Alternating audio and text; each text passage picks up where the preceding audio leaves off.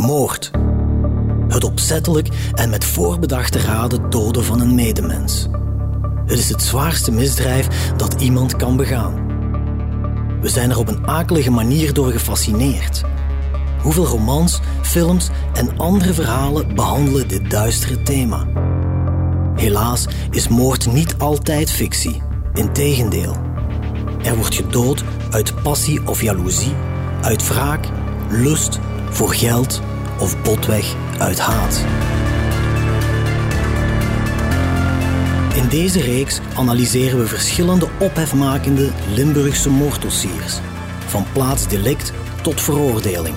En gaan we op zoek naar de motieven die in het verknipte hoofd van de dader zijn gruwel rechtvaardigen. Ik ben Geert op Teinde en dit is Van Moord tot Verdikt. De verdwenen moeder, deel 2, in het hoofd van de dader. Het lichaam van de 26-jarige Priscilla Leurs uit Dilse Stockholm wordt een maand na haar verdwijning gevonden in een schuur in Heist op den Berg. Ze werd op beestachtige wijze om het leven gebracht. De vele slagen met een koevoet op haar hoofd hadden een enorme impact. De autopsie wijst uit dat Priscilla al bij de eerste klap het bewustzijn verloor, maar dat ze vermoedelijk wel nog een tijdje heeft geleefd. De wetsdokter is duidelijk. Priscilla was hoe dan ook aan haar verwondingen bezweken. De dader van deze gruweldaad, haar man Bruno. Hij stopte haar lichaam na de feiten in een plastic zak en legde zijn vrouw in de koffer van zijn auto. Vervolgens reed Bruno meerdere dagen met de overleden Priscilla rond, dumpte haar daarna op een stortplaats in Tessenderlo om haar lichaam niet veel later weer op te pikken en naar de schuur in Heist op den Berg te vervoeren. In 2009, 2,5 jaar na de feiten, staat de man terecht. Het verhaal over de gruwelmoord gaat over de tongen in heel Limburg. De man in de straat heeft zijn oordeel klaar. Bruno verdient levenslang. Mijn naam is Bert van Mechelen, ik ben advocaat. Ik doe voornamelijk strafzaken. Ik ben 18 ehm, jaar aan de balie nu. Daar was heel veel, dat was in de tijd, dacht ik ook in de, in de, pers ook over, over te doen geweest. En je merkt natuurlijk ook dat collega-advocaten hun, de natuurlijke behoefte hebben om altijd hun mening te spuien over wat het resultaat zal zijn. Dus toen merkte je in de wandelgangen wel uh, van alle mogelijke partijen dat dat een levenslang ging worden. Iedereen heeft altijd wel zijn commentaar ook onmiddellijk gereed. Maar uiteindelijk, de mensen weten enkel wat de media hun heeft medegedeeld. Dus ik heb al dossiers gehad, bij wijze van spreken, waar iemand op het laatste van de rit wordt vrijgesproken, maar hij is eigenlijk wel al aan de schandpaal genageld. Uh, je moet oordelen pas als je een dossier hebt um, bestudeerd en dat je alle aspecten van een, van een dossier hebt doorgenomen. je? Dus heel vaak mensen, ik zeg maar iets, ah, man slaat vrouw dood. Oké, hop, je gaat ineens uh, reacties krijgen, oh, bij hem zouden ze hetzelfde moeten doen. Terwijl men de details er niet van kent. Dus als men, het is pas van, van, van het moment dat je een recht hebt om te spreken over wat er met iemand zou moeten gebeuren. Als je alle kanten van het verhaal hebt gehoord, dat ten eerste al. En als je kennis genomen hebt van het strafdossier. De details van de moord op Priscilla liggen nog voor de start van het proces op straat. De ervaren strafpleiter Jeff Vermassen zal de belangen van de burgerlijke partij behartigen. De verdediging van de beschuldigde oogt op dat moment als een vergiftigd geschenk. Eentje dat advocaat van Mechelen zal mogen uitpakken. Het is voor hem een vuurdoop die kan tellen, want het is de eerste assisezaak in zijn carrière. Dat was een confrater die van de balie wegging, Mr. Wellens. Um, en zij vroeg mij of ik daarin geïnteresseerd was. Ik was heel zeker geïnteresseerd. Dus ik heb dan een aantal gesprekken met Bruno gevoerd. Om te zien als er een klik was of dat we op dezelfde golflengte daarin zaten. En dat was het geval en zo ben ik in het dossier gekomen. En achteraf heb ik meester Jaspart erbij gevraagd. Mijn mentor ook altijd geweest, een van de weinig advocaten waar ik uh, echt naar heb opgekeken ooit. Ik had wel een, een, een, een klik met Bruno en ik vond het een. Uh, ik vond ook al, het waren natuurlijk zeer ernstige feiten, maar ik vond het een hele sympathieke, amabele man. Uh, met echt wel het hart op de juiste plaats. Het zal mij misschien niet in dank worden afgenomen door door de familieleden van het slachtoffer. Maar Bruno was iemand die voor mij een bijzonder hartelijke, amabele man. Met natuurlijk ook zijn beperkingen waar je niet om kon in, in dit dossier is dat je eigenlijk zat met een jongen met een blanco strafregister had, zeg, die zelfs nog nooit een parkeerboete in zijn leven had gehad, die toch ineens voor een hof van assise moet verschijnen voor een van de zwaarste misdrijven die het strafwetboek um, heeft, moord. Hoe kan iemand die zelfs nog nooit een verkeersovertreding heeft begaan, zijn eigen vrouw koelbloedig vermoorden? Advocaten Jaspaard en Van Mechelen van de verdediging bestuderen het dossier en gaan resoluut voor een psychologische benadering in hun zoektocht naar een plausibel antwoord op de vraag hoe deze moord kon gebeuren. Zoals in vaak in assise-dossiers komt er een psychiatrisch rapport, komt er een psychiater aan te pas. En hier is dan gebleken inderdaad van kijk, we zitten met iemand die zit, of waar de vaststelling is gedaan, de diagnose van het syndroom van Asperger. Asperger hoort thuis in het rijtje van de autisme-spectrumstoornissen. Maar mensen met dit syndroom hebben een normale tot hoge intelligentie. Bij Bruno uitte deze stoornis zich volgens meester Van Mechelen in typische gedragingen. Zelfs toen ik cliënt opzocht in de, in, uh, in de gevangenis, keek hij bijvoorbeeld om zes uur naar het programma. En dat was zelfs een programma dat hij niet leuk vond om naar te kijken. En hij, Bruno ging dan op de hoek van het bed zitten, maar niet helemaal op de hoek. Altijd nog een plaatsje vrij laten voor, voor uh, Priscilla dan, die graag naar dat programma keek. Dus hij wou ook altijd nog één zijn met haar. Hij, wou haar, hij, ging, hij ging nog met haar praten, ook toen ze was overleden. Hij had nog een, hij had een hele aparte band met haar. Ook al was hij verantwoordelijk voor voor haar overlijden. En ook al. Uh, en hij had daar ook echt oprecht spijt van. Bepaalde mensen hebben geen, hebben geen spijt van misdrijven. dan heb ik het zelfs niet, niet zozeer over dan, dan beroepscriminelen, maar je, hebt, je zit met een bepaald soort misdadigers die, die dat gevoel van, waar dan heel vaak bijvoorbeeld de psychopathie nog, nog, nog of de sociopathie um, of het narcisme heel zwaar doorweegt. En je zit met een bepaald type misdadigers die, die geen medelijden of medeleven of berouw of spijt tonen. En dat was hier helemaal niet het geval. Ook types voor mensen met Asperger is een voorkeur voor herhaling. Iets wat absoluut aanwezig was bij zijn cliënt, zegt Van Mechelen. Hij, nam soms de trein naar de kust en dan terug van de, en dan, dan stapte hij niet af en dan ging hij van de kust naar de in diezelfde trein, omdat hij rustig werd van het repetitieve geluid van, uh, van het geluid van de trein op de treinsporen. Dus het uh, is ook iets wat je, wat je in het, het, het, gedrag van, van asperges of autisme is dus het, het, uh, het rustig worden van golven van de zee. Of het, inderdaad het inkleuren van iets waar je op het gemak ergens met iets kunt bezig zijn. Waar je ja, wat, een ruimte zonder, zonder veel prikkels, weet je. Want prikkels is ook iets wat, wat, waardoor dan asperges overprikkeld kunnen geraken, waardoor, je, ja, waardoor er, de emmer snel vol loopt, als ik het zo mag stellen. Bij Bruno liep die emmer eind december 2006 over. Zijn advocaten zullen de gepleegde feiten niet weerleggen. Maar de verdediging wijst er tijdens het proces wel op dat ook slachtoffer Priscilla met haar demonen moest afrekenen. Wat is gebleken in het dossier ook, is dat het slachtoffer uh, bijvoorbeeld kampte met een, um, met een borderline problematiek. Nu, zijn we dat dan eigenlijk gaan, gaan, gaan onderzoeken en, en uitvlooien. En eigenlijk zetten een asperger van Siberië met een, um, een borderliner van, van Japan, dat zal altijd, altijd vonken opleveren. Omdat die persoonlijkheidsproblematieken dermate conflicteren, dat het heel moeilijk is om een normaal huishouden tussen grote aanhalingstekens te hebben als je zit met iemand met een, met een autisme-spectrumstoornis die samenleeft met een borderliner. Weet je, een borderliner die heel wispelturig vaak ook is, die zit met heel felle mood swings, die uh, nu kan beslissen om naar Frankrijk te uh, vertrekken om een flesje parfum te gaan kopen in die winkel bijvoorbeeld.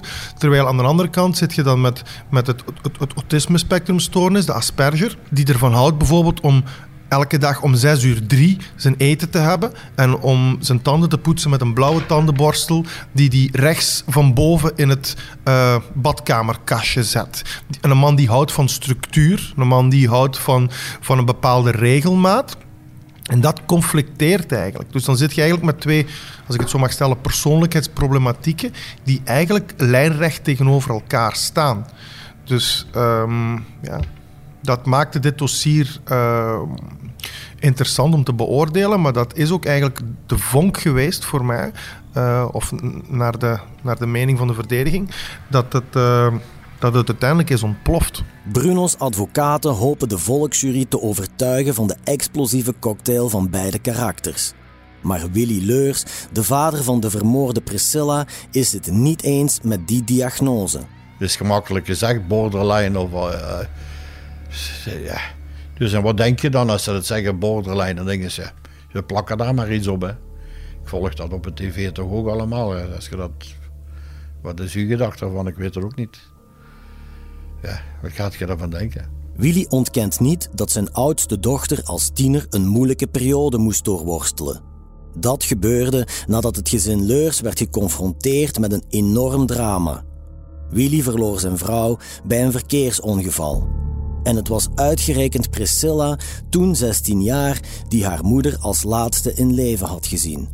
Meer bepaald tijdens een gesprek over de gevaren van drugs, nadat Priscilla's moeder daarover een cursus had gevolgd. Ze wou eens met, met Priscilla daarover praten uh, en ze had een afspraak gemaakt in een restaurantje in Maasmechelen.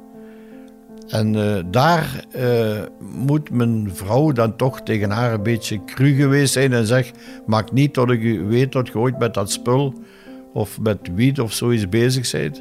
En dan uh, is daar een discussie geweest. En dan is mijn vrouw naar huis gekomen. En toen is ze ongeluk.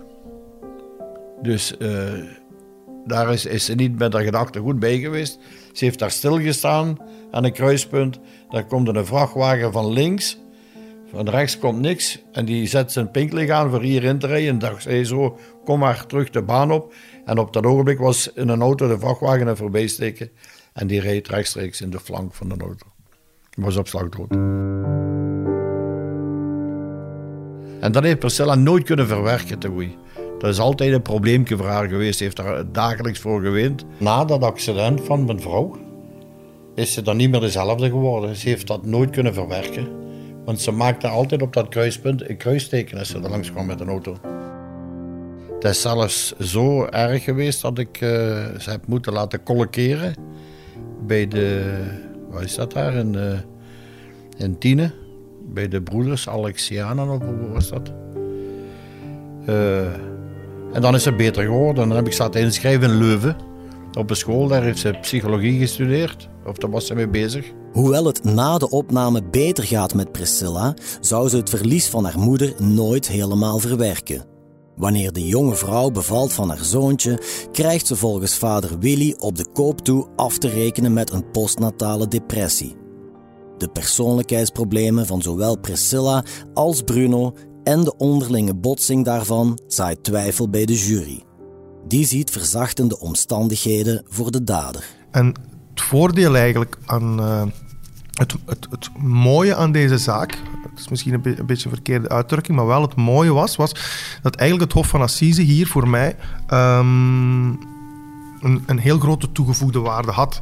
Maar doordat er heel dat, dat proces is eigenlijk gefileerd. Hè. Elk, elk stukje van het assise-dossier, elk, uh, of het psychiatrisch aspect, het psychologisch aspect, het, het, uh, de, de jeugd van alle in het geding zijnde partijen. Alles is eigenlijk tot in detail uitgelegd aan een, aan een jury. Um, waardoor ze eigenlijk echt een, een, een, een, een zal ik het zeggen, zich het dossier eigen hebben gemaakt. Naast de discussie over de psychologische elementen in het dossier en het botsen van karakters, is er nog iets anders dat in het voordeel van Bruno speelt. Zijn onberispelijke houding tijdens het assiseproces. Ja, en hij kwam ook, de man Bruno kwam ook heel goed over, hoe zal ik het zeggen. Bruno is een, een, een jongen die om de een of de andere reden wel een. Uh, ik ga niet zeggen een aimabele indruk maakt, maar toch ergens... Die had geen arrogante houding, die had een beleefde houding naar alles en iedereen. En dat merk je. En ik denk dat een volksjury ook wel merkt als zo, zoiets gespeeld is of niet. Ik weet je, je hebt sommige mensen die voor een rechtbank komen met een, met een dermate grote arrogantie, dat je eigenlijk van tevoren al kunt zeggen, oh, het is eigenlijk nu al boeken toe, omdat hij het hier even de het moet gaan uithangen, om het zo te zeggen. Weet je? Dus, dus, maar Bruno kwam heel goed over ook. Dat is ook in, in, zeker in, voor een Hof van Assise is de non-verbale communicatie is ook heel belangrijk. Het is een man die ik zou laten babysetten op mijn eigen kinderen. Dus dat is de indruk die, die, die Bruno bij mij heeft nagelaten. Alles behalve uh, een barbaar of iemand die niet, die niet betrokken is bij, met het welzijn van anderen. Dat is bij Bruno totaal niet het geval. Hij is, ik zeg u, ik, voor mij is hij een, een, wel een, een, warme mens. Ja. Het uiteindelijke verdict van de assisejury. Schuldig aan moord en een celstraf van 20 jaar. Dat is minder zwaar dan iedereen had verwacht. Waar men in het begin eigenlijk ervan overtuigd was dat de man levenslang ging krijgen, heeft hij uiteindelijk een veroordeling gekregen van 20 jaar. Wat ik nog altijd veel vind. Ik moet eerlijk zeggen, ik, ik, ik met die 20 jaar ik was ik was uh, teleurgesteld. 20 jaar is toch weinig. Met de wet Lejeune is dat uh, een derde. Dus dat is, uh, dat is rampzalig. In deze maatschappij wonen we. Vandaag is Bruno een vrij man. Door de wet Lejeune kon hij vervroegd vrijkomen, na een derde van zijn straf te hebben uitgezeten en door goed gedrag te hebben getoond in de gevangenis. Nu probeert hij zijn leven weer op de rails te krijgen. Priscilla's vader Willy wil daar liever niet aan denken. Hij kijkt nog elke dag achterom. Want op zijn plaats in het familiegraf ligt nu Priscilla begraven, naast haar moeder. Dat verdriet Kijk, ik kan, dat, ik kan het verschil maken. Dus mijn vrouw is verongelukt. Dat was het ergste van het ergste. Ik was 28 jaar getrouwd en een goede relatie. Dat is het ergste van het ergste. Maar dan, wat er gebeurt met mijn dochter, zo gezegd, dat kun je niet meer vergelijken. Dat is erger. En de manier waarop. En daar zit je niet één jaar mee, daar zit ik vandaag nog mee. Dus dat is al zo lang geleden. Daar ga ik mee slapen en daar sta ik mee op. Want je mag op een gang gaan kijken. Ja, nu zal de kaars wel opgebrand zijn, moet nieuw kopen. Ik ben vanaf de dood van mijn vrouw en er staan twee foto's van mijn vrouw en haar. En uh, ja, dat is, ik laat er altijd een kaars branden. Ik ben daar constant mee bezig.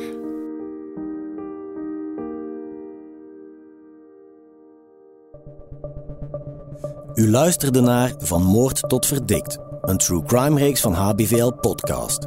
Samenstelling door Geert op Teinde, Nancy van den Broek, Filip Perges en coördinator Cato Poelmans. Montage en audioproductie door Len Melot en Glenn Legijn. Chef podcast is Geert Nies. Reageren? Dat kan via podcast@hetbelangvanlimburg.be. Ben je benieuwd naar meer nieuws en verhalen? Surf naar hbvl.be/voordelig en ontdek onze voordelige leesformules.